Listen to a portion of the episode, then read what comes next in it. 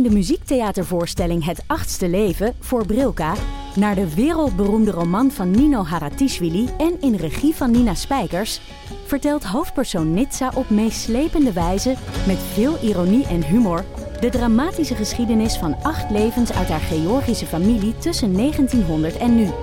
Een hartverscheurend en tegelijk troostrijk drama verteld vanuit het perspectief van vrouwen uit verschillende generaties. Waarbij het publiek meegenomen wordt op een emotionele, visuele en muzikale reis door de 20ste eeuw.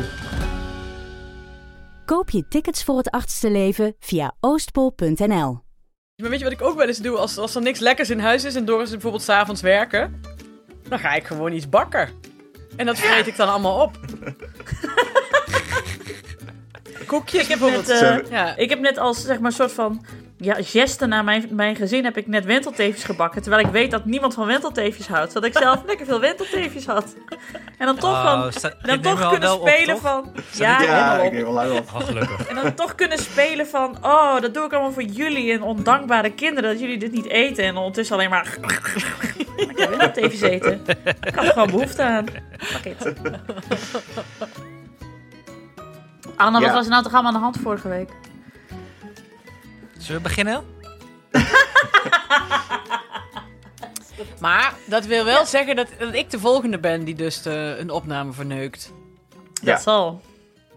Ongetwijfeld. Maar het gaat erom, is, is het zo slecht dat je het weg moet gooien? Of kun je net als ik nog gewoon uit een blikje klinken en dat je het wel kan gebruiken? Nee, het was er niet. Er was niks. Maar Anne, was dit jouw, eh, sinds, jouw, sinds eh, het kinderdagverblijf je, je, je tweede woedeaanval? Of had je tussendoor nog wat gehad?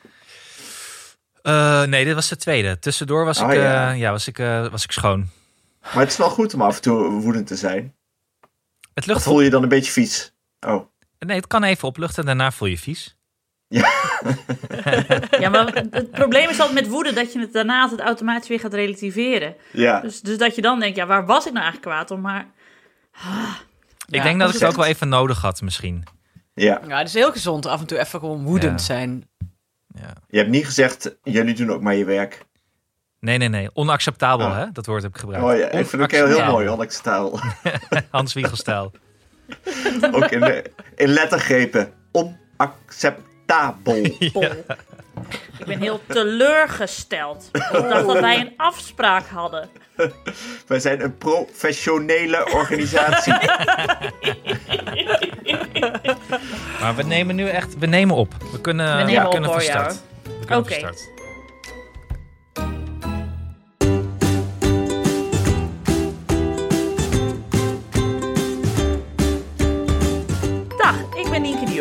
moeder van Janne van 4 jaar oud en Abe van 2 jaar oud en zwanger van de derde. En samen met mijn vrienden Alex van der Hulst, vader van René van 8 en Jaren van 4, Hanneke Hendricks, moeder van Alma van bijna 4 en producer Anne Janssens, vader van Julius van 4 en Doenja van 11 maanden oud, maak ik, ik ken iemand die, een podcast over opvoeden, ouders, kinderen en al het moois en lelijks dat daarbij komt kijken. Eigenlijk net het leven zelf. Iets nieuws aan mij? Heb, ben je naar de kapper Ben je geweest? naar de Je hebt- kapper geweest? Ben je afgevallen? Oh. Kappertje, Was jongens. jij echt, hoezo heb je voorrang gehad? Ja, jij bent zo'n Mhm. fariseer die meteen al op maandag mocht zeker. Ja. Ik was naar de kapper geweest. eh, wanneer was dat? Gisteren? Nee, eergisteren ben ik naar de kapper geweest. En ik liep daar naar binnen en die mevrouw zei, heb je een afspraak? Je moet een afspraak hebben. Toen zei ik, ik heb, ik heb geen afspraak, ik heb niet gereserveerd. Die mevrouw zei, je moet reserveren, want anders mag het niet. Toen zei ik, oké, kan ik een afspraak reserveren voor nu? En toen moest ze heel hard lachen en toen heeft ze me geknipt. Nou, jij wel met je charmes.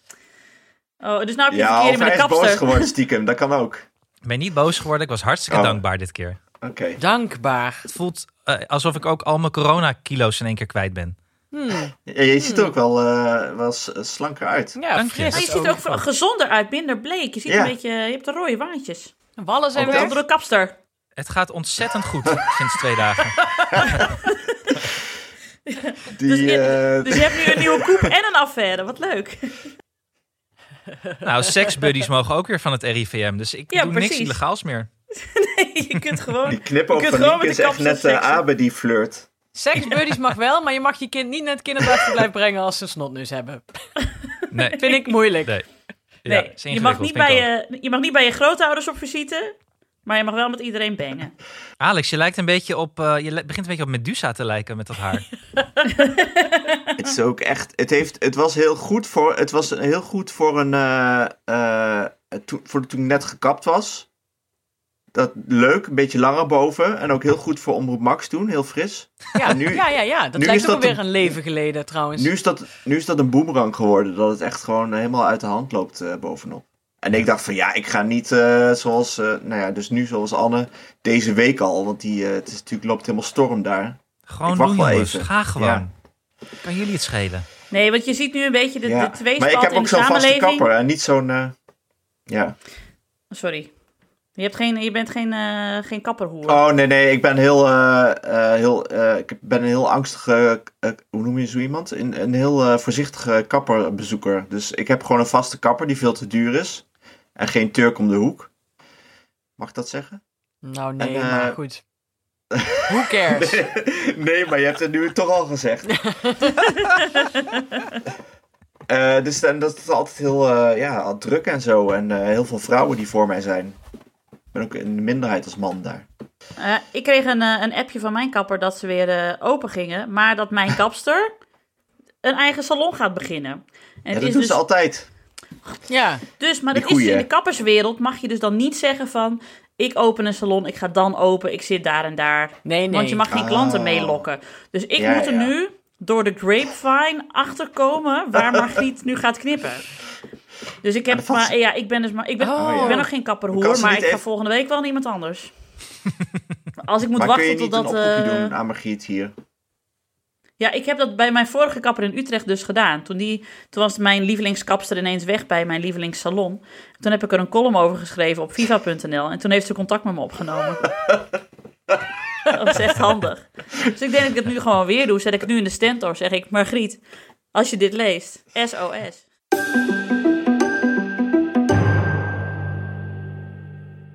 Nou, We Han. kunnen het nu hebben over punt 1. Ja. Hanneke Punt in één. datevermaak. Ja, en daardoor ook in op één. Ik heb het niet terug durven kijken. ja, maar eh, eerst even de, de, eh, vraag aan Hanneke. Eh, hoe kwam Lieke bij jou? Wat moest ze van je weten? Voor de luisteraar die het niet heeft gezien of gehoord. Nou, het ging een beetje over date night. Eigenlijk wat je voor date night hebt als je, als je dus al heel lang een relatie hebt. Maar goed, het was natuurlijk alleen maar... Eigenlijk, al- al- wat, wat wij als date night eh, hebben, dat is natuurlijk gewoon... eh, s S'avonds zitten we gewoon, aan liggen we uitgeteld voor de televisie, eh, lekker te sappen. Met een, eh, met een wijntje en een zak chips. Wat echt de beste avond is. Maar goed, maar uiteindelijk, het moest er eigenlijk op neerkomen dat ik even ging vertellen over die, eh, die keer dat wij dus The Voice hebben zitten kijken met een heel duur sterrenmenu. Met kreeft. Met Toch? kreeft, ja. maar het was wel... eh, ze, ze- Maar wat wou jij vragen dan, Nienke? Jij vroeg... Nou, ik, nee, ik vond het vooral heel grappig om te horen dat jij nog allemaal andere tips gaf van hoe je kunt daten met z'n tweeën. En dat, Lieke, dat je bij Lieke per antwoord echt hoorde van, ja, dat was niet wat ik wilde horen, want het klinkt allemaal super suf en het heeft allemaal helemaal geen nut. Namelijk ergens naartoe rijden voor niks. Of ergens naartoe fietsen voor niks. Ja, precies. En uiteindelijk was de conclusie ook dat... ik- Maar jullie willen gewoon in de kroeg suipen. en dat was ook zo. En dat is ook zo natuurlijk. Want je, wat is wat je doet als je net een relatie hebt? Dan ga je eh, avond na avond in de kroeg hangen en groot zijn mislepend leven. Ja, nou kun je dus naar... eh, naar waar kun je heen fietsen? Naar Callans Oog fietsen of zo. Maar is het ook niet het probleem dat het allemaal nuchter moet nu? Dat is ook zo, lijkt me ook zo moeilijk. Nou, je kunt toch wel wijn in de supermarkt kopen? Je hoeft niet per se... Oh ja, ik ga niet nuchter door het leven aan of zo nu. Nee, maar Geen glas wijn dit keer. Nee, maar het je is weet, niet- het is je weet 20 helemaal niet wat er in die 12. box zit. Ja, nee, dat is de koffie, echt. Laat de klokje niet remmen, Hanneke. Nee, precies. Wel. De, de 12 zit al lang in de klok. Je bent een artiest, toch? Ik had, ik had toevallig iemand gesproken die had gedate, eh, een gescheiden moeder uiteraard. Ehm, met een zanger. En ik had, ook Oh. gelijk, ik had ook gelijk, zat ik in de roos. Ik zei, met een zanger, die praat toch alleen over zichzelf? Toen zei ze, ja inderdaad, het was alsof ik een interview hield. En, en, we- en weet jij ook welke zanger? Want ja, ik weet straks- welke zanger. Frank Boeien. Nee, ik zeg verder niks. Ik heb zo'n voorgevoel dat ik weet wie het is, maar dat zal weer totaal mijn voorgevoel Wie zijn. denk je dan Maar dat het is? Ik denk...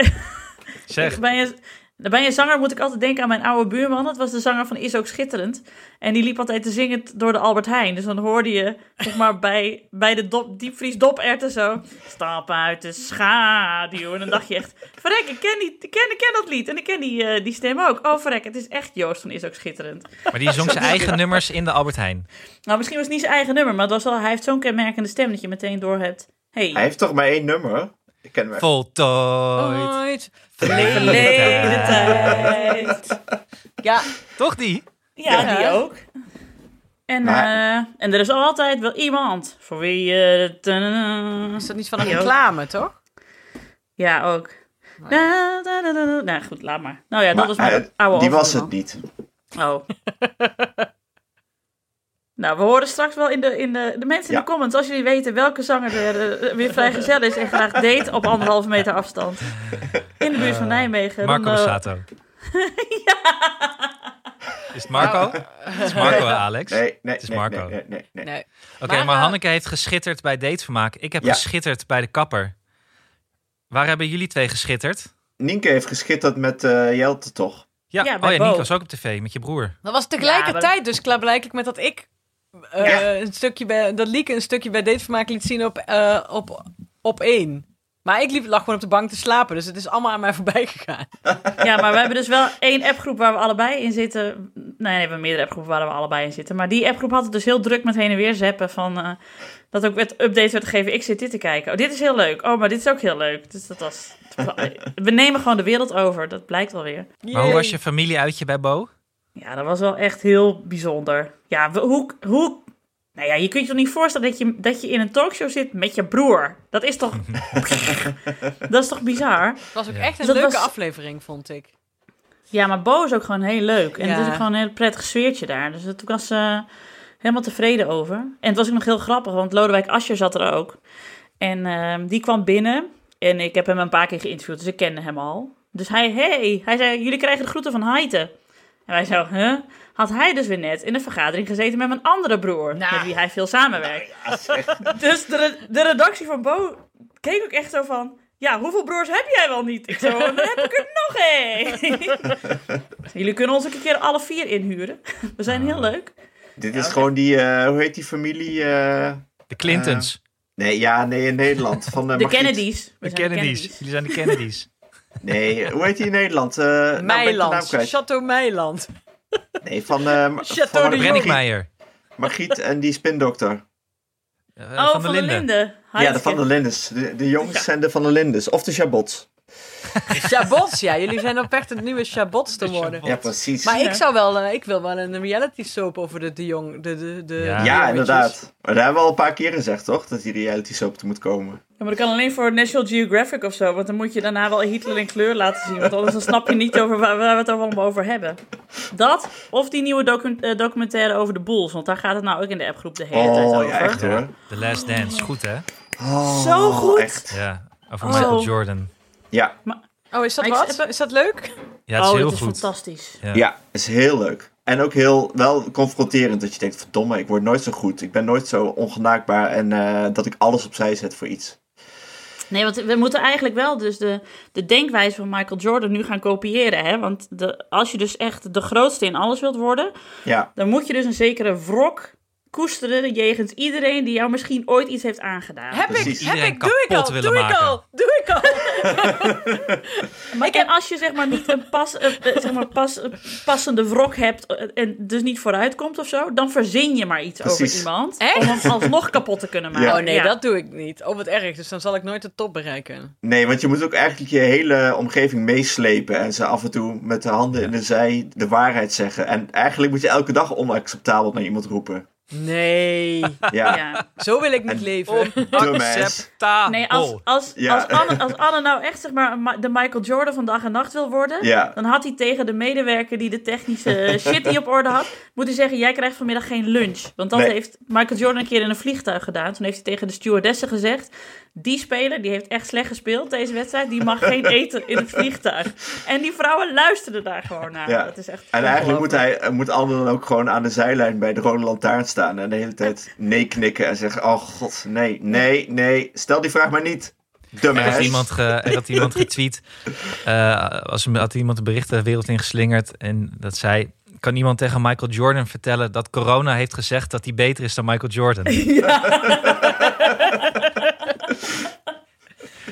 Ja, maar ik werd er ook heel. Ik werd op een gekke manier ook heel melancholiek van, van die Ik ook. serie. Ik ga hem Ja. kijken. Jeetje. Ja, je moet hem echt kijken. Ben Omdat echt het helemaal- zo. Het is helemaal onze jeugd, hè? Ja, en niet, niet dus dat je, dat je... Ik was dus heel boos geworden, of heel depressief geworden, omdat iemand eh, zei, eh, of op, op de AD stond nostalgie. Tony Hawk's Pro Skater wordt opnieuw uitgebracht. ja. Tony Hawk's Pro Skater. Dus ik kijk, het was uit 1999. Ik denk, wat, wat een nostalgie. Nostalgie is Commodore Daar is je 64. wat oud voor. ja. Ja, veel te oud voor deze nostalgie. Maar Michael Jordan is wel nostalgie. Ik heb dus wel een eh, over spreekbeurt, ik, over spreekbeurt gesproken. Ik had mijn spreekbeurt Duits over de Dream Team uit 1992. Echt? Oh, echt? Wat Ja. goed. Wat goed. Komt allemaal Met- nu terug. Magic Johnson. Ja, Maar ik wil even een brugje maken. Want ik weet, ik heb geschitterd bij de kapper. Nienke bij Bo. eh, Hanneke bij eh, Op 1 en Datevermaak. En Ja. maar Alex heeft ook geschitterd afgelopen week. echt. Ik heb volgens mij niks gedaan afgelopen week. Jawel. Je hebt het gedeeld in de appgroep. Eh, Oh, ik had een eh, diploma gekregen. Ja, gefeliciteerd. Ja. Ik heb mijn diploma als thuisonderwijzer gekregen. Yes. En verdiend. En verdiend. Sorry. Wat gebeurt er, Hanneke, bij jou? Alma eh, komt naakt de werkkamer binnen met een handdoek en een boek. Ja, Ah Oh, ja. nou ja, meer heb je niet nodig in het leven, lijkt me. p- papa is even met eh, iemand anders in gesprek. Met Janne Schra. Nee, die is er nog niet. Die komt om één Oh. uur. Die is een afspraak aan het maken met zijn kapster. Ja. We hadden het even over dat Alex een eh, certificaat heeft gekregen, eindelijk. Yes. Ja, over onderwijscertificaat. gesproken. Want volgens mij, zeg eens eerlijk, jij was onevenredig blij met dat. Ik eh, was zeer blij. Ik, maar ik heb ook gewoon eh, twee weken met wrok gezeten. Omdat eh, Neeltje wel haar certificaat had en ik niet. Nee. Nou, dit is wel echt helemaal in de geest van Michael Jordan. Heel goed van jou. Dus Ja. je, nu, je wilt Neeltje nu kapot maken vanwege een certificaat van de basisschool. Dat maakt niet, ja. Ja, If it works, is, it works, zou ik er is een zeggen. soort eh, verhouding inderdaad. Het is relatief ver- vergeleken Oh, mooi met dat dit Michael blokje Jordan. ook weer rond is. eh, niet Ja. Helaas weet ik dat niet zo goed vast te houden. En zoals Michael Jordan die dan twee keer, drie keer eh, wint. Maar ik weet dan gewoon één certificaat. En de dag daarna ging het al gelijk weer mis bij het onderwijs. Maar eh, dat dus ligt aan de kinderen, niet aan Agenda mij. punt 2, denk ik. Ja, mooie, mooie brug. Nee, want ik wil nog even aanvullen op... eh, als je Michael Jordan hebt gekeken, moet je ook even Becoming kijken. Want daar kwam de feminist in mij helemaal boven. Oh, Wat is leuk. Becoming? Ken. Becoming is de, eh, het, eh, de, het programma over de boektournee van Michelle Obama. Leuk. En daar krijg je pas echt ook eh, sentiment van, van. Maar sentiment naar een paar jaar terug, toen alles nog Obama was. Ja, was, ik weet eh, niet of ik dat aan kan. Ik ben, ja, ik ben het ook is nog wel zwanger, huilen. hè? Het is wel twee keer... Ik heb zeker twee keer bijna tranen in mijn ogen gehad. Oh, Oh. ja, dan, dan, krijg ik, dan krijg ik minstens twaalf keer. Ja. Het ging over hoop en over dat je ook in hoop kan denken en positief moet denken. en Oh, dat je alles kan hadden. Hoop, hoop is wat de kat scheidt. Ja, precies.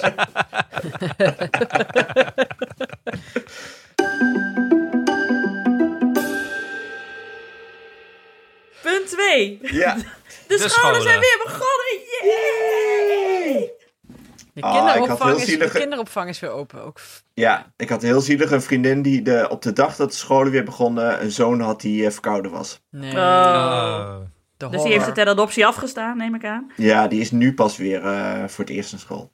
Ik heb een backup eh, pool van drie mensen die de komende zes weken heb ik de dagen verdeeld, dinsdag, woensdag en donderdag. Waaronder zelfs een ex- een ex-VVD-politicus die helemaal niet van kinderen houdt. Maar die... Ah, Maar ja. Maar anders had die ex-VVD-politicus het nu heel druk gehad met het Eurovisie Songfestival. En dat heeft hij toch niet. Dus hij Precies. kan Nee. ook wel een keer op Nee, je dochter Hij had er juist heel veel zin in, want hij verveelde zich heel erg. Maar nee, dat is inderdaad. Maar eh, ik, eh, ik vond was echt super blij de afgelopen week. Ik zei pas tegen iemand dat eh, ik was weer aan het werk en het was gewoon het gevoel alsof iemand de afzuigkap had uitgezet.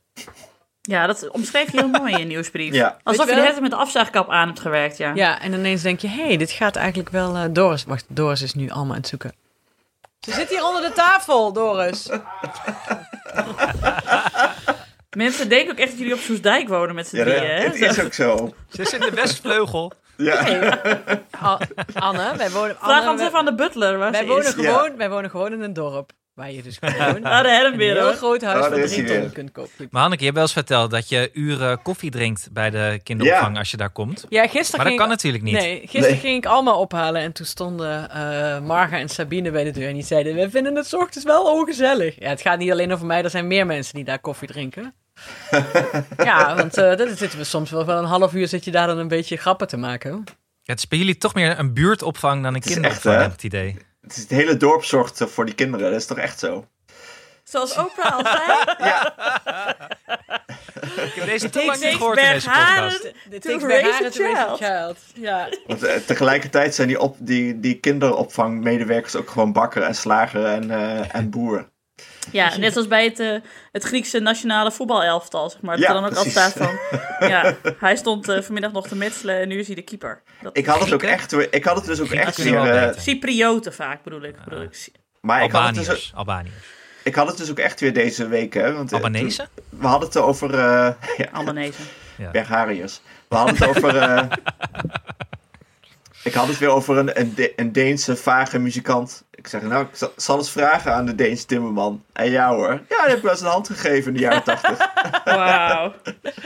Ik zei, het is altijd hetzelfde, want die, eh, we hebben een IJslander in de straat. Die kent ook iedere IJslander. Dat, en dan zie je toch dat de Friesen geleerd zijn aan, eh, aan die, aan die Ja. Scandinavische volken, hè? Want de. Friesen hebben dat ook altijd, ja. Ik heb nog een vraag aan Alex. Ja, Eh, want bij eh, Mia op school gaan dus, eh, komen kinderen met mondkapjes. Ze hebben kinderen met mondkapjes in de klas. ja. Zitten die ook bij, eh, bij eh, jouw kinderen op school? Lopen Nee, ik heb nog nul kinderen met mondkapjes gezien. Maar we- ik zit in de wijk tussen twee ziekenhuizen in. Hè, dus ik heb alleen maar eh, hele nuchtere medisch personeel. En geen rare Amsterdammers eh, Ja, dat scheelt denk ik. op school. Ja. Want ik zag ook al foto's op, eh, op, op Twitter van eh, ja, dan eh, juffen die geen knuffels mogen geven. En, eh, en, speel. Hadden jullie ook gezien op dat, dat, dat speelterrein waar ze dan allemaal een grote cirkel om die kinderen hadden getekend? En dan mochten die kinderen niet uit hun cirkel komen, dat ze op anderhalve meter bleven. Dat was in Frankrijk, toch? Was nou, dat? ik vond het echt. Oh, was in Frankrijk. Ja. Ja. zie je. Zo gaat fake news de wereld door. Ja, precies. Nou, we hadden laatst we hadden gisteren afgesproken met de juf van Janne om even, of eergisteren, om eh, een rondleiding te krijgen en zo. En Janne gaat maandag voor het eerst naar school. Spannend. En toen zei, de juf zei ook van, ja sorry hoor, ik ga me er gewoon niet aan houden. Wat moet ik nou, ik heb al mijn kinderen van vier. Als er eentje valt, dan zeg ik toch niet, ho, stop. Blijf op afstand. Zei dan maar het risico, we zien het wel. Maar eh, ze kwam dus wel echt, toen ik binnenkwam, zei ze, oh ja, je bent zo zwanger, eh, blijf, blijf op afstand. Blijf, want ik heb, heel veel, ik heb heel veel kans dat ik besmet word. Dus ik moest echt eh, in de hoek gaan staan. met zo'n Ah. met zo'n papieren puntmuts op. ja, precies. Ga weg, zwangere vrouw. Ja. Dus alles kwam weer op eh, Tom af, die natuurlijk alweer binnenkwam. Hallo! Hallo! ja, dit is een inside grap voor mensen die ons echt al drie jaar volgen. Precies, dat is een goeie. Ja, precies. En als je de deze, deze grap niet snapt, dan moet je ons hele archief gaan doorspitten. Nee, we moeten een keer een trailer gaan maken waarin we al die eh, grappen misschien bespreken. Zodat mensen Ja. die nu aanhaken weer een beetje bij zijn. Ik ben ze zelf alweer vergeten. Ja. Ik moet trouwens nog een, ik moet nog een nieuwsbrief schrijven, bedenk ik nu ineens. Ben ik helemaal vergeten. Ja, inderdaad, niks ontvangen vanochtend. Oh, wil je- Alex, kun jij geen nieuwsbrief? Kun jullie geen nieuwsbrief even maken? Goed hoor. Sorry, sorry. Wat, Je hebt toch een Nienke- stagiair? Oh ja, dat is waar. Nienke, wat wou jij zeggen? Sorry, ik onderbrak je. Nou ja, ik wilde eigenlijk een bruggetje maken naar de... Nee, ik wil helemaal geen bruggetje Maar ik wil wel, vanochtend, eh, gisteren eh, bracht ik eh Jaren weg en toen eh, die moeten verzamelen op het schoolplein. Dus ik, ik snapte Annes eh, school, oude, eh, nieuwe school ook al niet zo, want die verzamelen gewoon op het schoolplein. Eh, die klasse. Maar eh, die zat ook alweer met een huilend kind op schoot. Dus dat Oh. is, eh, Ja. ja, die juf. Dus eh, dat snap ik ook wel. Je kan moeilijk een schouderklopje geven, toch? Als een Ja. kind. eh, Ja, op anderhalve meter afstand met een soort van rugkrabber die je dan in Ja. je hand hebt. Zo tik, tik, tik. Nou, Ja. sterkte. Dat je Dat een, Nee. vroeger eh, met zwemles, dat ze zo'n grote haak hadden. Ja, en daarmee, daarmee reik je dan een beertje aan. Deze, kun je, wil je deze even knuffelen, De alsjeblieft? Care Bear. Ja, Nee, maar dat vind ik ook. En Dat is gewoon niet te doen. Maar we kunnen ons eh, optrekken aan de, de cijfers uit, wat was het, Denemarken?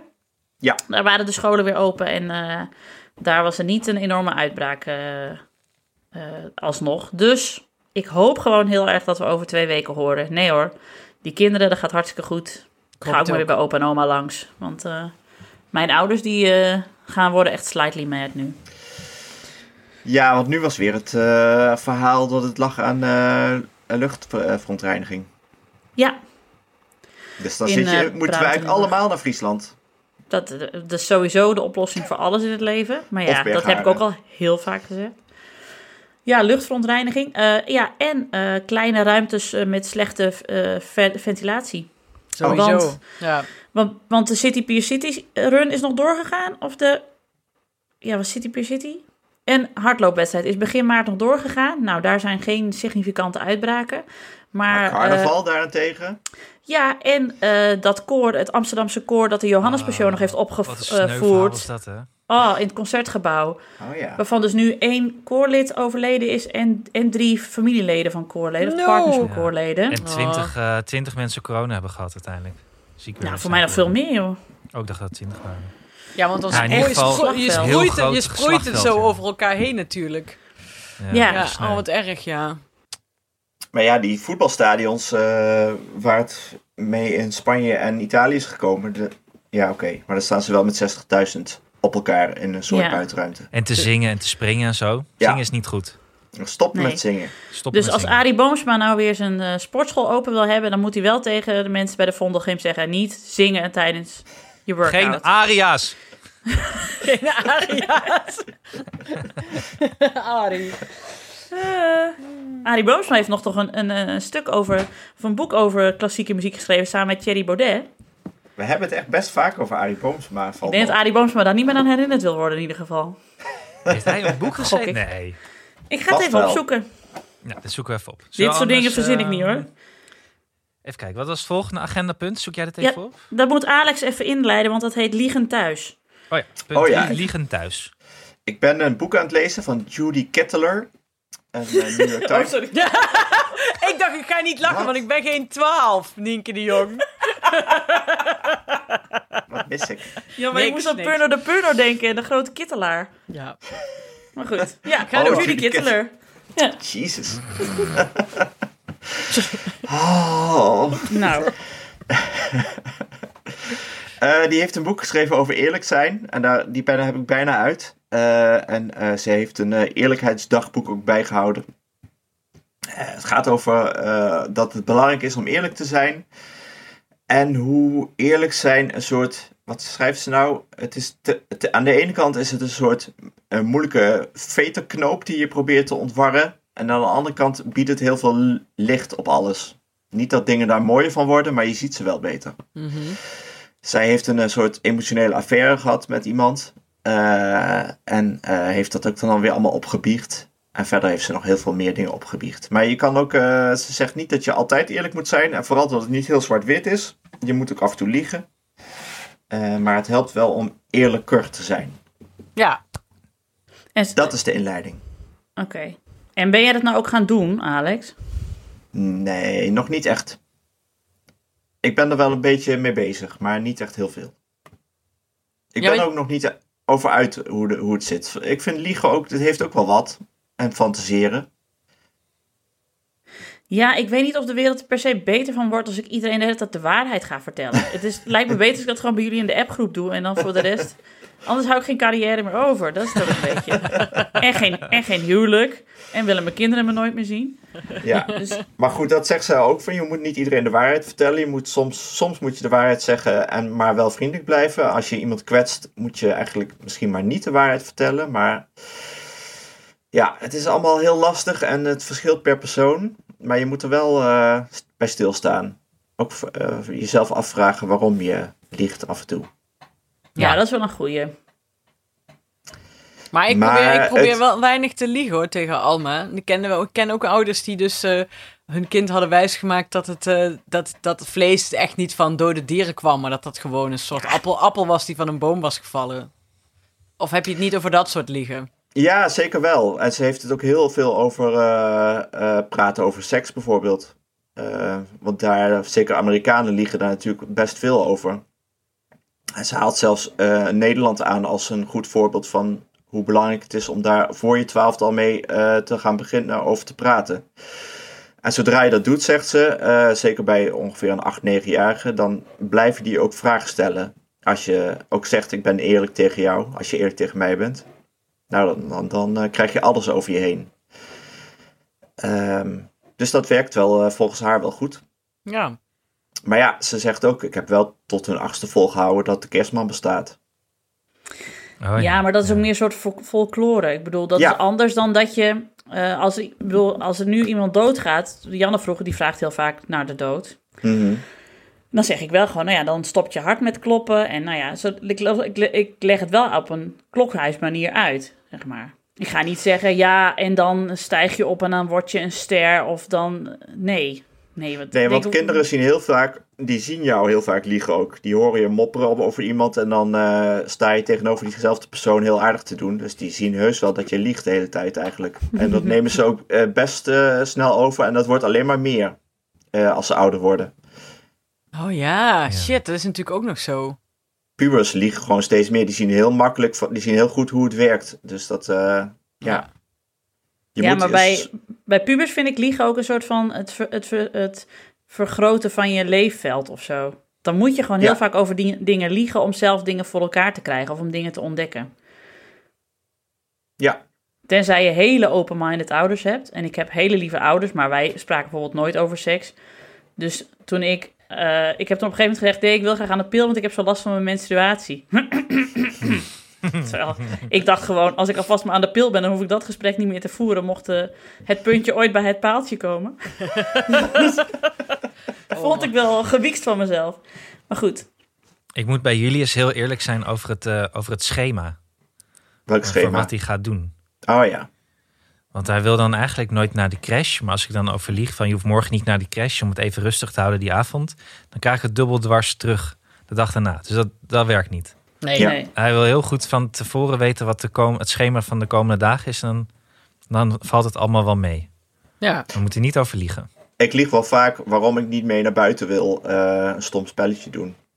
Wat Zeg, zeg jij dan? nee, moet Ja, dan was ik nog aan het werk zogenaamd. Terwijl ik helemaal niet aan het werk ben. Dan zit ik gewoon iets eh, dingetjes te lezen. Ja, Alma, neemt dat, Alma neemt dat over. Ik zeg vaak, nee, ik, wil, eh, ik ga niet mee fietsen met jou en papa nou. En dan zegt ze, waarom niet? Ik zeg, nou, ik wil even alleen zijn. Dan zie je Alma en Doris zo kijken van, nou ja, uh want die zijn niet zo. Maar pas zei ze dus, zei ik, dan ga je mee? Ik ga in bad. Zei ze, nee, ik wil alleen zijn. Heel dus goed. toen kreeg ik hem wel terug. Ja. Oh, ik had van Julius ook iets teruggekregen. Hij mocht van mij niet een bepaald filmpje kijken. Ik weet niet eens meer wat het was. Maar ik had gezegd, nee, die is voor, die is voor vanaf zes jaar. Dan mag je nu niet kijken, want je bent vier. En als je zes jaar bent, mag je die kijken. En dan had ik daarna nog bij een ander filmpje gezegd. En die avond eh, had ik eh, bloemkool gemaakt. Toen gaf ik een bloemkool. Toen zei hij, nee, dat is voor vanaf zes jaar. heb ik hem gelijk in gegeven. Heb ik, Ja. hoeft hij het niet te eten van mij. Ik heb hier nog een leuke toevoeging eh, aan het liegen. Eh, over professioneel liegen gesproken. Ja, kijk, inderdaad. Thierry Baudet heeft een boek geschreven met Arie Boomsma. Van Bach tot Bernstein. Nee. Ja. Dus Ah. eh, ik vraag me af of het nog te krijgen is. In Brabant. Bij het antiquariaat. Ja, Nou, oh, met van die foto's erbij dat ze dan samen achter de vleugel zitten en zo. Wat erg. Eh, En met ja. twee handen. ja, precies. Ik ben weer iets aan het uitleggen. Ja. Niet uit. Maar goed. hey, eh, Anne, jij had een heel goed idee. eh, nee, Alex had een heel goed idee voor de kooltrui. Oh Ik, ja. kreeg, ik, was, ja, ik was aan het. Moet ik eigenlijk ook weer inleiden. Ik was aan het eh, eh, appen met mijn oud-collega Brechtje over eh, spinnen. Want daar appen wij altijd over. Ze heeft een grote spinnenfobie. Oh, ik dacht het fietsen in de sportschool. Maar... Nee, nee, nee, nee gewoon echte spinnen. Nee, joh. Zij haalt mannen van. Ze heeft echt wel eens letterlijk mannen van straat geplukt. om een spin weg te halen uit het, gang, uit het halletje. Je hebt vaak ook mensen met een, met een dingetje met wie je dan... Net zoals een beetje bij Seinfeld. Van, dat, van die persoon hou daarvan, dingetje. ja. Als je geen dingetje hebt, dan heb, ik, eh, hoef je, heb je eigenlijk geen plek in mijn leven. Nee, nee, Waarom, nee. waarom, waarom hebben wij dan een plek in jouw leven? Ik Zo, jullie hebben. Zijn Wij zijn, wij zijn een dingetje. Ja, precies. Alles is aan ons is... eh, Wij hebben er ons werk van gemaakt, van onze dingetjes. Ja, ja, precies. Maar je hebt een spinnenvrouwtje. Een spinnenvrouwtje. En nou, nou liep er eh, vanochtend een, eh, een eh, zo'n lang, langpootspin over het plafond rustig boven ons bed. En die, toen zei Cynthia, ik sla je in elkaar als je hem nu laat vallen op het bed. Want hij moest natuurlijk weg. Ik vond het een beetje drastisch, maar, maar volgens, volgens Brechtje doe, ik, doe te cynisch over mensen met een spinnenfobie. Maar goed, zij heeft een vriend die op de Zuidas werkt, werkt en die heeft dus altijd belangrijke calls. Dus toen uh, opperde ik het idee van een calltrui. En zij zei van, Heel goed. ja, Spread the word. ja, dus hij zei, wat een goed idee. Maar dan vind ik dat er verschillende kooltruien moeten komen. komen. Een bolletjes kooltrui voor degene die de zwaarste kools heeft. Een groene kooltrui voor degene die de snelste kools doet. En de witte kooltrui voor de jongste in de kool. Dus dat vond ik een supergoed idee. Het lijkt me echt iets voor idee, Shimano. ja. Wanneer Ja. krijg je de gele kooltrui dan? Ja, als je, eigenlijk dat, dat je toch de, de topcaller bent. Dus Tom, dat Tom de voor- Lauw krijgt die gele Ja, kooltrui Tom natuurlijk. de Lauw is echt een gele kooltrui. Als je zeg eh. maar, binnen jouw call zeg maar, echt de Michael Jordan van de call bent. Dus dat jij alles regelt en voorzit en, en de taken uitdeelt. Dan Ja. krijg je de gele coltrui. Vind ik ook. Ah, Nienke, ik vind wel dat je bij Best Secret een gele kooltrui voor Tom nu op de kop moet Ja. Ik zit ook te bedenken hoe goed hem dat zou staan. Wie, kan, wie komt er überhaupt weg met een gele coltrui? Ja, dat weet ik ook niet. Ellie Lust, denk ik. Ja, Ja, nee, eh, Giovanka. nee Bert. Bert van Bert en Ernie, die komt ermee weg. Giovanka. Dat is de enige persoon die die, gele aan kan. Jovanka ook. die draagt Ja, altijd nee. geel. Dus vind ik zo, ben ik altijd zo jaloers. Maar ik ben er sowieso jaloers op Giovanka, omdat ze zo Ja, ontzettend leuk. knap is. Ik heb het heel vaak over haar, dat ik haar zo knap vind. Ja, omdat je... Ja, maar ze is ook nog eens heel leuk en grappig en slim. Dus dat is weer zo En iemand... ze mag naast Thijs van der Brink zitten. Ja, dat is wel... ja. Qua En dat duo's, doet ze. als je- En dat doet ze gewoon. Maar ook gewoon met een totaal gebrek aan chemie toch week aan week naast elkaar gaan zitten. Dat vind ik toch knap. Ik Ik moet wel denken, Nienke, aan dat jij ooit lang, lang, lang geleden eh, iets twitterde over Thijs van der Brink. En dat je dan een fondue-vork in je oog zou steken. en dat hij toen jou antwoordde van, oh jee, doet het pijn? Of zo. Het was echt zo was heel grappig hoe hij reageerde. Ja, dat was zeg maar het moment dat ik erachter kwam dat Twitter niet een, zeg maar, een soort van appgroep is. Nee, maar dat, dat, dat is ook wel het euvel van Thijs van der Brink. Omdat hij gewoon wel aardig is. En het- ik heb het idee dat hij om, achter elke hoek staat. Dus als je een keer een- zijn, zijn naam laat vallen, dan komt hij gewoon om de hoek van hoi. Denk ik, oh, Ik vind het ook wel leuk dat we van, van, Bert, van Bert en Ernie ook meteen doorgaan naar Thijs van de Brink. Wat voor mij eigenlijk een soort van dezelfde persoon is. Ik zie bij Thijs van der Brink geen gele kooltrui. Oh. Zie ik nee, niet. nee, nee, Nee, Zie ik nee, niet. nee, nee, nee. Zie ik niet. Nee, maar eh, Thijs van de Brink is heel, eh, heel aardig. Ja. En dan soms zegt hij dingen dat ik denk, waarom zeg je dat nou weer? Want nou moet ik weer boos op jou zijn, terwijl ik je gewoon heel aardig vind. Maar dit kun zo... Maar dat kan gewoon, Ja, maar je, te- te- Kan. ja, want tegen, tegen Thijs van der Brink kun je wel eerlijk zijn, vind ik. Ja. En hij is daar niet gekwetst door. Nee. Nee, hij heeft dat boek al lang gelezen. Ja, Dat denk ik wel. Maar de, als je nou ook een gele kooltrui wil... eh, ik ga hem dus bestellen voor Tom de Lauw. Dan, en dat ga ik doen bij bestsecret.nl. Want Best Secret is een eh, online, eh, mode, online modeparadijs. Eh, waar je eh, tegen enorme kortingen eh, prachtige kleren kunt kopen en accessoires. Soms wel voor kortingen van 80%. En dat zijn niet zeg maar de collecties van eh, 18 jaar geleden. Niet uit eh, 1997 eh, Chicago Bulls. Maar echt uit van dit seizoen of vorig seizoen. Dus dan loop je altijd heel fancy bij bij calls. En eh, dus ik zou zeggen, een gele trui is leuk, een groene trui is leuk. Wit, als je wit kunt hebben, maar zeker een witte trui. En koop ze dan bij Best Secret. Eh, daar kun je niet zomaar opkomen. Dat heeft nog wel eventjes wat voeten in de aarde, want je moet toegelaten worden. Maar gelukkig kan dat via ons. Dus eh, als je nou zeg maar je aanmeldt op www.bestsecret.nl slash ik ken iemand die, dan komt alles goed. En dan kun je shop till you drop. Ja, en er is een app en zo. Kan je ook downloaden op je telefoon, heel makkelijk.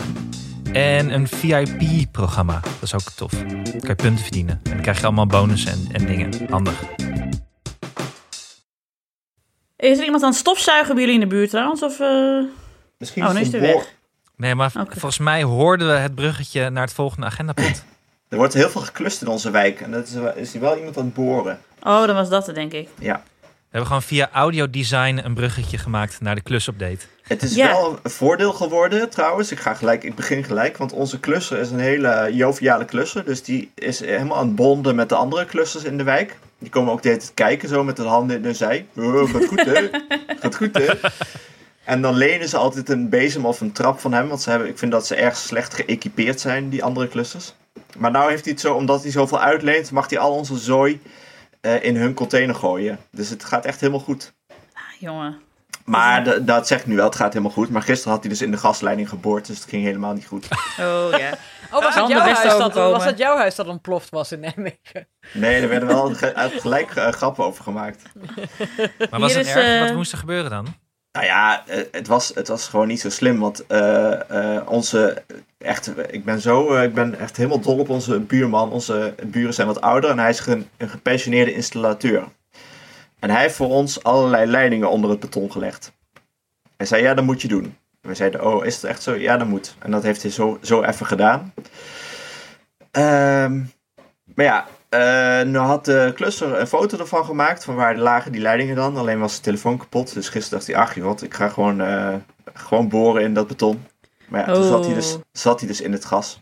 Ja. Heeft hij het gelijk weggebikt, het beton. En heeft de buurman eh, ge- echt in een half uur alles weer gemaakt. Kijk, Ook Goed, het beton. Eh, nee, het beton niet. het beton van mijn buren. Ja, het beton van jouw buren dan weer. En we hadden ook nog een, eh, dit, deze week iets met de ketel. Dus we hebben allemaal ketelmannetjes over de vloer gehad. Ketel. Oh, dat is ook altijd vermoeiend, hè? Man. Heel vermoeiend, ja. En ze gaan Ja. ook allemaal naar de wc bij ons. Ik denk, ze doen wel heel moeilijk over corona, maar ze gaan ondertussen bij ons allemaal naar de wc. Ik er wel dat je, pot onder te baggeren. Ja, precies. En die is toch wel heel vies, want we, we, we hebben wel zo'n idee van, ja, we maken dat schoonmaken, dat schiet er ook allemaal bij in. En die kinderen komen tijd met vieze schoenen over de vloer. Maar ja, het maakt ook allemaal niet meer uit. Nee joh, Ja, maakt allemaal niet meer uit. losgelaten. Het Ik ga hier pas weer uit. schoonmaken als, als het inderdaad als de verbouwing voorbij is. Maar dat gaat nog wel even duren. Ja, want hoe Ja, gaat jullie het hebben allemaal stof in huis. Ja, we hebben allemaal stof. En, eh, eh, maar we hebben al wel weer allemaal muurtjes en een nieuwe deur en zo. En er is gewoon al een slaapkamer gecreëerd, maar die moet nog even afgemaakt worden. Maar wij hebben nou dus een schaftkeet eh, op de oprit staan. Die staat voor ons raam, dus het is binnen echt helemaal donker. En eh, de buurman zei, zijn jullie een ambassade geworden en moeten jullie beveiligd worden? Wat ik echt heel grappig vond. Dus ja, vanuit eh, de ambassade in Tel Aviv eh, hier... dus het, maar goed, dat is dus wel een coronaschaftkeet, zodat de klussers niet bij ons aan tafel hoeven te zitten. Maar inderdaad wel scheid op onze wc, geloof ik. Maar goed. Oh, dat wel. Want wat, hoe vaak schaften ze eigenlijk? Nou, dat, dat valt toch wel mee. Wij hebben gewoon hele Oh. goede klussers en ze zijn ook nog heel rustig en lief. Maar je merkt dus wel bij de kinderen ook. Ik ben zelf ook moeder van hoor, van dat je de hele dag mensen in huis hebt. En, Hoe laat eh, komen ze? Ja, niet heel, niet heel vroeg, dat scheelt dan Oh. ook. En ze zijn fantastisch. Het zijn de beste klussers die je kunt hebben. Dit zeg ik niet omdat ik niet mag liegen, maar het is echt de beste klussers die je De Michael Jordans hebben. van het klussen heb jij. Ja. Oh, ja, Arjan Brilleman uit Zwolle is echt de Michael Jordan van, het, van de aannemers en timmerbedrijven in, in Zwolle. Maar dan nog is het gewoon vermoeiend. En ook voor die kinderen, want die horen ook de hele tijd gebonk en gezaag en gehamer. En die kijken dan weer boven en dan is er weer iets veranderd. En die zijn vandaag ook echt taf moe. Ik ook. Nou, dus het is, eh, daarom keken we vanochtend al Frozen 2. Om Heel 9 goed. uur 's ochtends. Ja. Want we trokken het allemaal al niet meer. We waren twee uur wakker en we waren allemaal weer kapot. Maar goed, het wordt wel heel mooi. En ik, heb, ik ben wel heel blij dat het nou gewoon is begonnen. En dat we echt een, een mooier huis krijgen en een hele leuke babykamer en zo. Ja, goed. Dus dat, ik zit even naar de tijd te kijken. Ja, je Ja, moet zo eh, eruit. Hanneke krijgt Ja. zo eh, hoog bezoek. Maar Nee, ik nee, ik, ik, ik, kan, ik kan het hoogbezoek niet ontvangen. Want ik moet eh, over vijf minuten inloggen vanwege Voor een de call. selecties.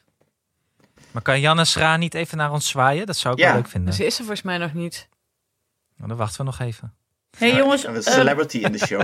ja. maar er, er, er moet een nieuwe partij opgericht worden. Ja, Hadden ik we was bedacht, even hè? boos. Eh, waarom was ik ook weer boos? ja, je ik was weet boos. het niet meer. Jij was weer ergens Oh boos ja, jij, jij, jij had een. eh eh, eh, er was een mailtje van een luisteraar. Die het ging over eh, kinderen die wel een halve dag naar school gingen. Oh ja. Oh ja, oh ja, ja, ja. ja. Want dat was in het belang van het kind. En toen, ik snap het wel hoor, maar toen werd ik toch even boos. Toen was ik klaar met het belang van het kind. Ja. Ik vind kinderen hoeven niet meer te werken eh, als, als ze acht zijn. En ze hoeven eigenlijk helemaal niet meer te werken. Eigenlijk als ze 25 zijn, kunnen ze ergens. eh, ik word even, ik word even GBA Hilteman hoor. Als ze 25 zijn, mogen ze ergens op een zitzak eh, de digital marketeer uithangen. Dus te werken hoeven ze helemaal niet meer. niet als ze 8 zijn en ook niet als ze 30 zijn. Maar goed, en, eh, en ze hoeven ook al niet meer mee te draaien en ze hoeven helemaal niks. Dus eh, ik denk eens even aan het belang van de ouder. Precies. Ja. En, toen, en toen zei Anne, lijst ouders eerst. Maar ja, dat Ja. is met de afkorting Lou. En Ja, dat is toen- niks. En toen riep Slechte ik. Stichting Jonge en Oude Ouders eerst, want dat is dan Sjoe. Sjoe. En toen zei ik ouders eerst nu, want het is oen. Ja, En toen toen, werd al beter. Werd al toen beter, maar toen? Eh, programma Ouders Eerst Politiek. pa- Ja. partij Ouders Eerst Politiek, ja. Partij, ouders, eerst politiek. Ja. Ja, de poep. De De poep. De Ja, poep dat voor- wordt hem. Ja, voor ouders die... Ja, ja, voor gewoon ouders die Ik ook kreeg gelijk- wat willen... Ik kreeg gelijk, ik weet niet hoe die aan mijn nummer kwam, maar ene heer Nagel eh, die wilde zich aansluiten. die zei, prima idee, ik eh, ga het regelen. Ja, ik ben zelf namelijk ook een ouder. Ja, veel ouder. ja, ik heb al heel veel ervaring. Heel lang vooral. Ja. Ja, dus dat gaat heel wat worden. Ja, nou ja, als eh, Henk Krol elke vijf minuten een andere partij kan verzinnen, dan kunnen wij het toch verdorie ook wel. Precies. Oh, en we kunnen ja. ook een mooie eh, lijstverbinding eh Denk Poep. Ja.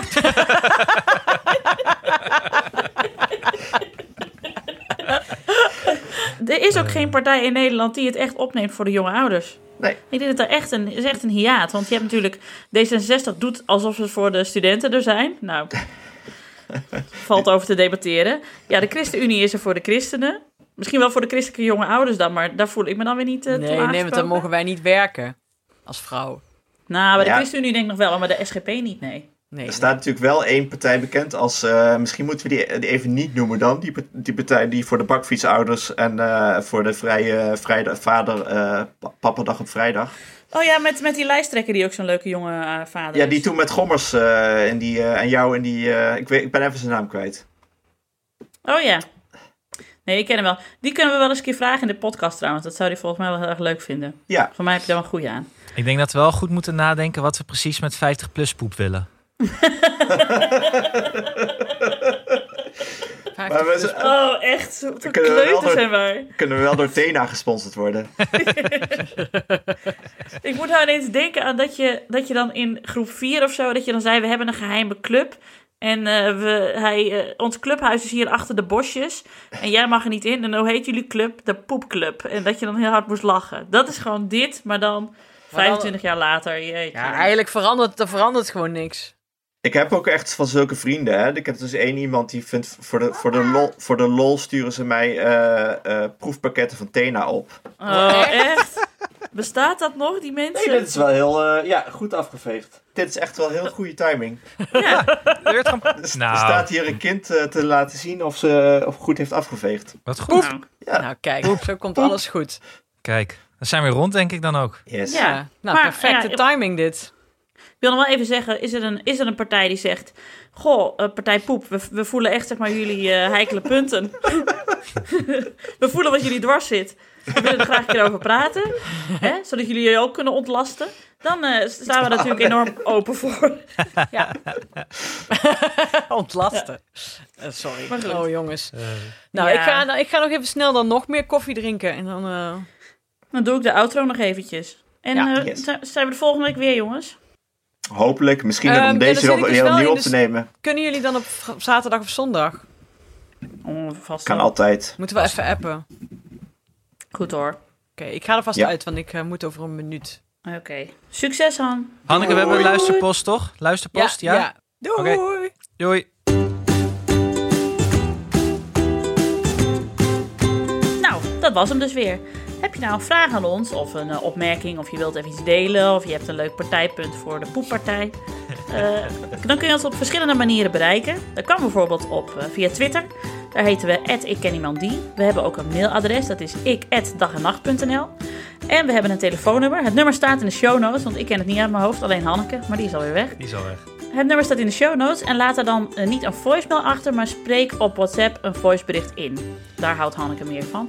Eh, dus we horen graag al jullie op- en aanmerkingen en gezellige anekdotes. Daar zijn we dol op. Ehm, heel veel dank aan mijn vaste tafelgenoten, dit keer weer op afstand. Hanneke Hendricks, Alex van der Hulst en producer Anne Janssens. Ehm, dank ook aan de sponsor. Dank aan corona dat we nog steeds eh, wekelijks bij elkaar kunnen komen. Al dan niet virtueel. Ehm ijzer wederdienende, als de techniek ons niet in de steek laat, zijn we de volgende week weer. Tot die tijd, hou je veilig, hou je taai. En eh, wees als Michael Jordan. Doeg! Deze als Michael Jordan. Be like. Mike. Be like Mike. Be like Ja, wees wrokkig. Wees, wees wrokkig en bokkig. Wees Bedenk een vijand. wrokkig. Bedenken, ja. Bede- bedenk een imaginaire fete die je met iemand hebt. dat is het idee. Nou goed. Oké. Hey, eh, jongens, bedankt hè. Doei. Doei. Ciao, ciao.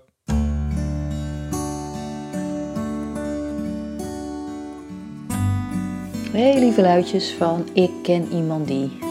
Hier eh, gewoon even een complimentje van een, eh, een vrouw zonder kinderen.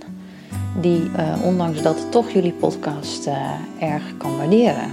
Ik dacht misschien eh, vinden jullie dat wel heel leuk om te horen. Ik vond het zelf een beetje shocking namelijk. Omdat ik normaal gesproken altijd best wel moeite moet doen om geïnteresseerd te blijven in verhalen van mensen die wel kinderen hebben. Dus ehm, ja, leek me wel wat waard, deze informatie.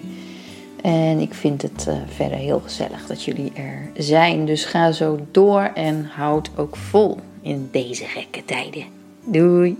Hoi, nou, ik ben Anneloes, moeder van Jens van 3 en Niek van anderhalf en natuurlijk een zeer trouwe luisteraar van jullie podcast. Ik kon niet anders dan reageren op het bocht 7 be- bevallingsverhaal van Nienke. Echt een gouden tip om die visualisatie voor jezelf, of het nou fietsen of wat anders is, te hebben als je gaat bevallen.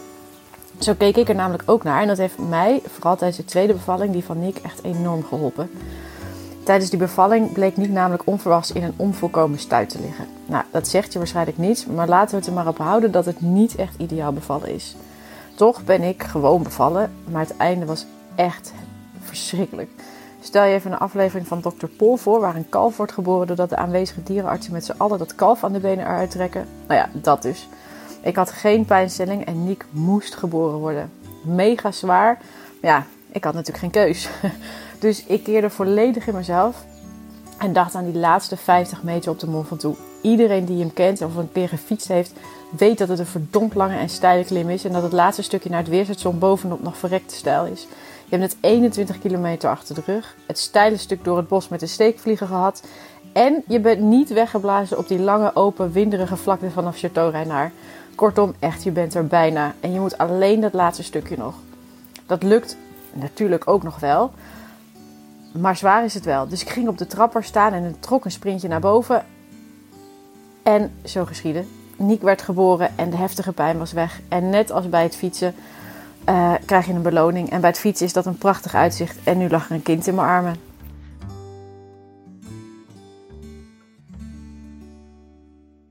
Hoi beste, ik ken iemand die en ik ken die iemandiers. Ehm ja, hier ook de klusperikkelen gehad. Eh, het huis is eh, aan de buitenkant, benedenverdieping, twee keer in de grondverf gezet, één keer in de lak. Ehm, van bruin zijn we naar crème met eh, donkerblauw gegaan. Het is prachtig en ik kon ondertussen al die tijd ongestoord jullie laatste afleveringen luisteren. En ik ben ook heel erg blij met de podcasttips van eh, eh, Longest Shortest Time en Homecoming. Want dat was heerlijk ook om ondertussen te luisteren. Dus dankjewel. En ik hoorde van de andere luisteraars ook een paar hele fijne tips. Dus die heb ik even opgeslagen.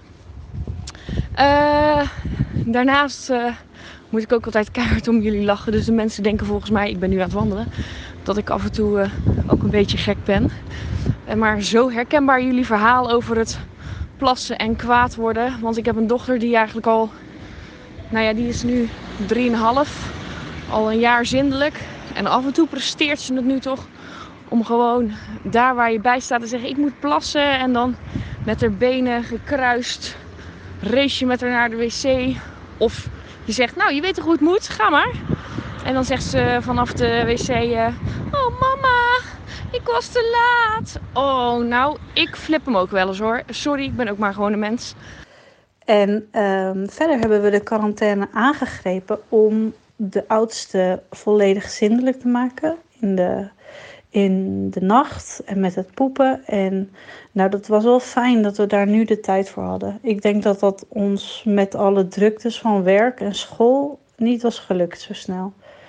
En nu is het supergoed gelukt. En daarbij wil ik even een tip geven voor mensen die nog eh, hun kind in de nacht zindelijk moeten maken. Deze tip kreeg ik ook weer van mijn collega-moeders. Ik vind collega-moeders echt ideaal als je elkaar tips kan geven. Ehm, je hebt een, eh, misschien een matrasbeschermer, een zeiltje of zo. En dan heb je een hoeslaken. En maak het bed op met uh, dus onderop een zeiltje en dan een hoeslaken en dan weer een zeiltje en dan weer een hoeslaken en dan weer een zeiltje en dan weer een hoeslaken. En zorg dat je een opgemaakt dekbed extra in de kast hebt liggen. Dat als je kind om twee uur s'nachts naast je bed staat met alles is nat, dan trek je in één beweging de eerste laag uh, hoeslaken zeil eraf. Je gooit er een schoon dekbed op en je ligt binnen vijf minuten weer in je eigen bed. En um, nou, dit doe ik nog steeds. Ik heb het gelukkig uh, bijna nooit nodig. Maar uh, mocht het gebeuren, dan, dan gaat het super snel. dat was de zindelijkheidstip. Hoi, ik ben Laura en ik werk in het onderwijs. En ik wil even een grappig moment met jullie delen. Ehm, wij hebben de laatste tijd veel contact gehad met de kinderen via Teams. dat hield dan in dat ik ze ging videobellen en dat we op die manier contact met elkaar hadden. Ehm, op een gegeven moment was ik met een leerling aan het videobellen. Met een, ja, die leerling had een koptelefoon op. Ehm, ik kon dus uh, ook alles horen wat er om hem heen gebeurde. Moeder had het waarschijnlijk niet in de gaten. Die dacht, hij heeft de koptelefoon op, dus dat zal wel. En moeder begon dus keihard te zingen, all by myself. Keihard en ongelooflijk vals. Nou, ik was dus met die jongen aan het videobellen en ik moest mijn gezicht echt in de plooi houden, want ik lag helemaal in de deuk. Die moeder zal het heel zwaar hebben gehad op dat moment. Nou, dat was mijn grappige momentje. Doeg! Hi, lieve vrienden van Ik en Iemand Die. Ik ben Annemiek, ik kom uit uh, Nunspeet en ik luister jullie al uh, een hele poos. En jullie slepen mij letterlijk door deze hele crisis heen. Drie kinderen. Uh, hoe oud zijn ze eigenlijk? Zes, zeven en één. En jullie zijn een beetje mijn terrasje. Als ik even een momentje heb, even een momentje voor mezelf, dan ga ik lekker in de zon zitten met mijn zonbril op. Neem ik er een klein koud wijntje bij en zet ik ik en iemand die op. En dan lijkt het net alsof ik met mijn vrienden ergens gezellig op het terras zit te keuvelen.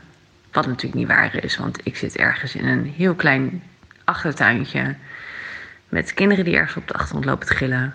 Maar toch, het komt een beetje in de buurt van gezellig met je vrienden op het terrasje. Dus daarom smeek ik jullie, ga alsjeblieft door. Elke week want ik kijk er eigenlijk elke week weer naar uit. Naar dat ene momentje op het terras met mijn vrienden. Dag lieve mensen van Ik en Iemand Die. Uh, mijn naam is Tila. Ik ben moeder van Taro van net 7 jaar en van Otis van bijna 10 maanden. Ja, en net als um, ja, waarschijnlijk alle luisteraars van jullie podcast heb ik het gevoel dat ik jullie al jaren ken en jullie eigenlijk gewoon hele goede vrienden van me zijn. Uh, en nu is het trouwens ook wel zo dat ik een real-life linkje heb met jullie. Of tenminste met uh, toch wel een heel erg belangrijk personage uit de podcast, namelijk uh, dokter Doris van den Burgt. Want dat is namelijk mijn huisarts en van ons gezin. Uh, trouwens, even als side note: uh, dokter Doris van den Burgt is in ons huis echt razend populair. En dat heeft ermee te maken dat op de allereerste dag van de quarantaine, toen we allemaal nog het wiel aan het uitvinden waren, gaf ik een geïmproviseerde gymles ehm, in de achtertuin voor ons oudste zoontje. En hij is toen met zijn blote scheenbeen keihard op een betonnen richel geknald. En het bloed spoot eruit, ik overdrijf niet. En uh, hij trok helemaal wit weg en hij krijste het uit. En ik schrok me helemaal kapot. Ook omdat ik niet goed wist van kunnen we eigenlijk überhaupt wel naar de huisarts? Want alles was nog zo nieuw en ik wist helemaal niet of we wat terecht konden. Dus ik helemaal in paniek. Toen is mijn vriend uh, met uh, onze oudste dus naar uh, de huisarts gegaan. En daar zat hij, onze redder, dokter van de Burgt. En hij heeft mijn zoontje zo goed geholpen dat hij tot op de dag van vandaag... ja, eigenlijk in één adem bij ons thuis genoemd wordt met Superman, Spider-Man, de Hulk en dokter Doris. Dus heel erg bedankt nog, dokter Doris, voor, voor je hulp. Hallo leuke mensen van Ik Ken Iemand Die. Het is deze week echt zo'n week dat ik elke dag denk: is het al zondag? Want dan komt er een nieuwe podcast. Ik um, vind er erg veel uh, herkenning in. En um, dat is gewoon super. Dus dat wilde ik even zeggen. Vooral gisteren zat ik er erg doorheen. Toen was het donderdag. Um, en De tweejarige die uh, vindt dat alles van haar is tegenover haar broertje van acht maanden. Dus alles was mij, mij, mij. En op een gegeven moment was ik daar zo moe van dat ik haar in de hoek zette. En dan moet je ook wel weer lachen. Want dan komt die van acht maanden er aangekropen om te kijken waar zijn zus is. En ze staat stampvoetend op en zegt: Mijn hoek. Dus zelfs de hoek, de strafplek, is van haar. Alles is van haar. En dat is als moeder soms dodelijk vermoeiend. Maar gelukkig, het is al bijna weer zondag. En vandaag schijnt de zon weer. Uh, letterlijk, uh, maar ook figuurlijk in, het, uh, in de relatie tussen mij en mijn dochter van twee. Dus ik kan er nog wel even tegen, maar ik kijk ontzettend uit naar de nieuwe podcast. Dus veel plezier met opnemen en ehm, tot zondag. En um, ja, we zitten net als Anne, dat verhaal dat, hij, dat Julius niet naar school mocht komen. Dat verhaal hebben wij nu ook. Wij zitten er nog middenin.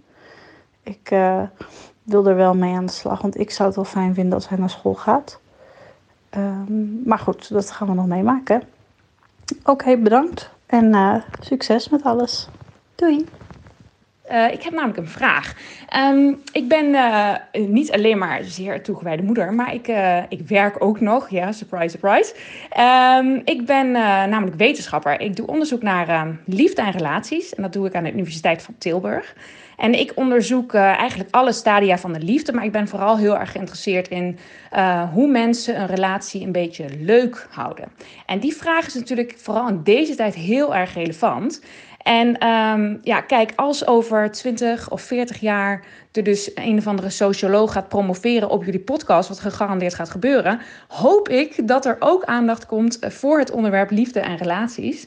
En ik zit stiekem eigenlijk elke week te hopen dat jullie er iets over gaan zeggen. Want ik weet als vanuit mijn professie, ik ben relatietherapeut ook. Um, dat deze crisis heel heftig kan zijn voor mensen. Dat het een soort van snelkookpan is voor alles wat er speelt in je relatie.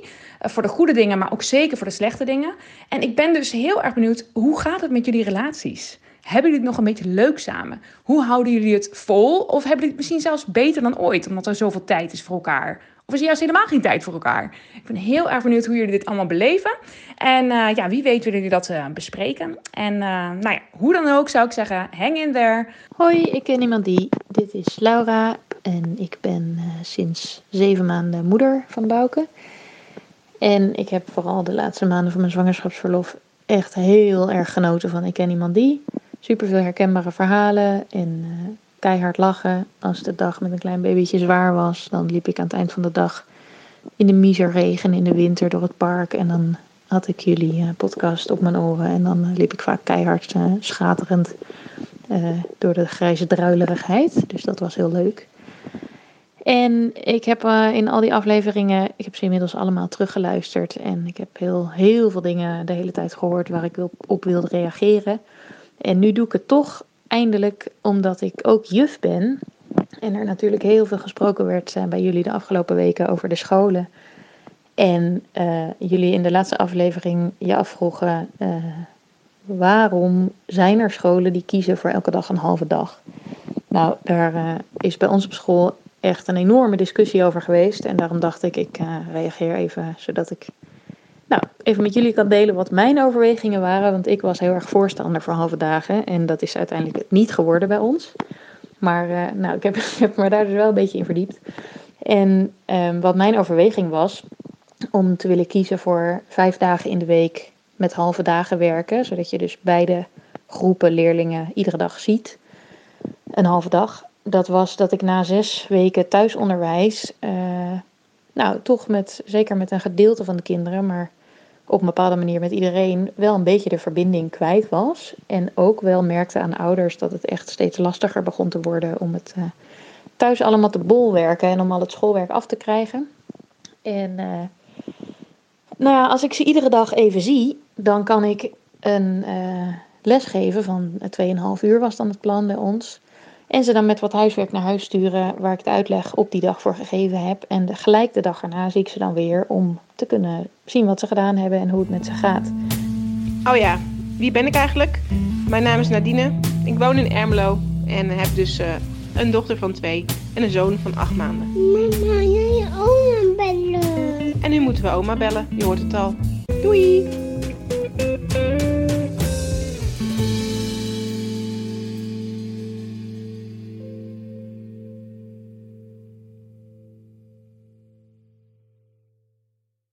Even over die grootse en epische muziektheatervoorstelling. Het achtste leven voor Brilka is een marathonvoorstelling van 5 uur. Koop je tickets voor deze bijzondere theateravond via oostpol.nl.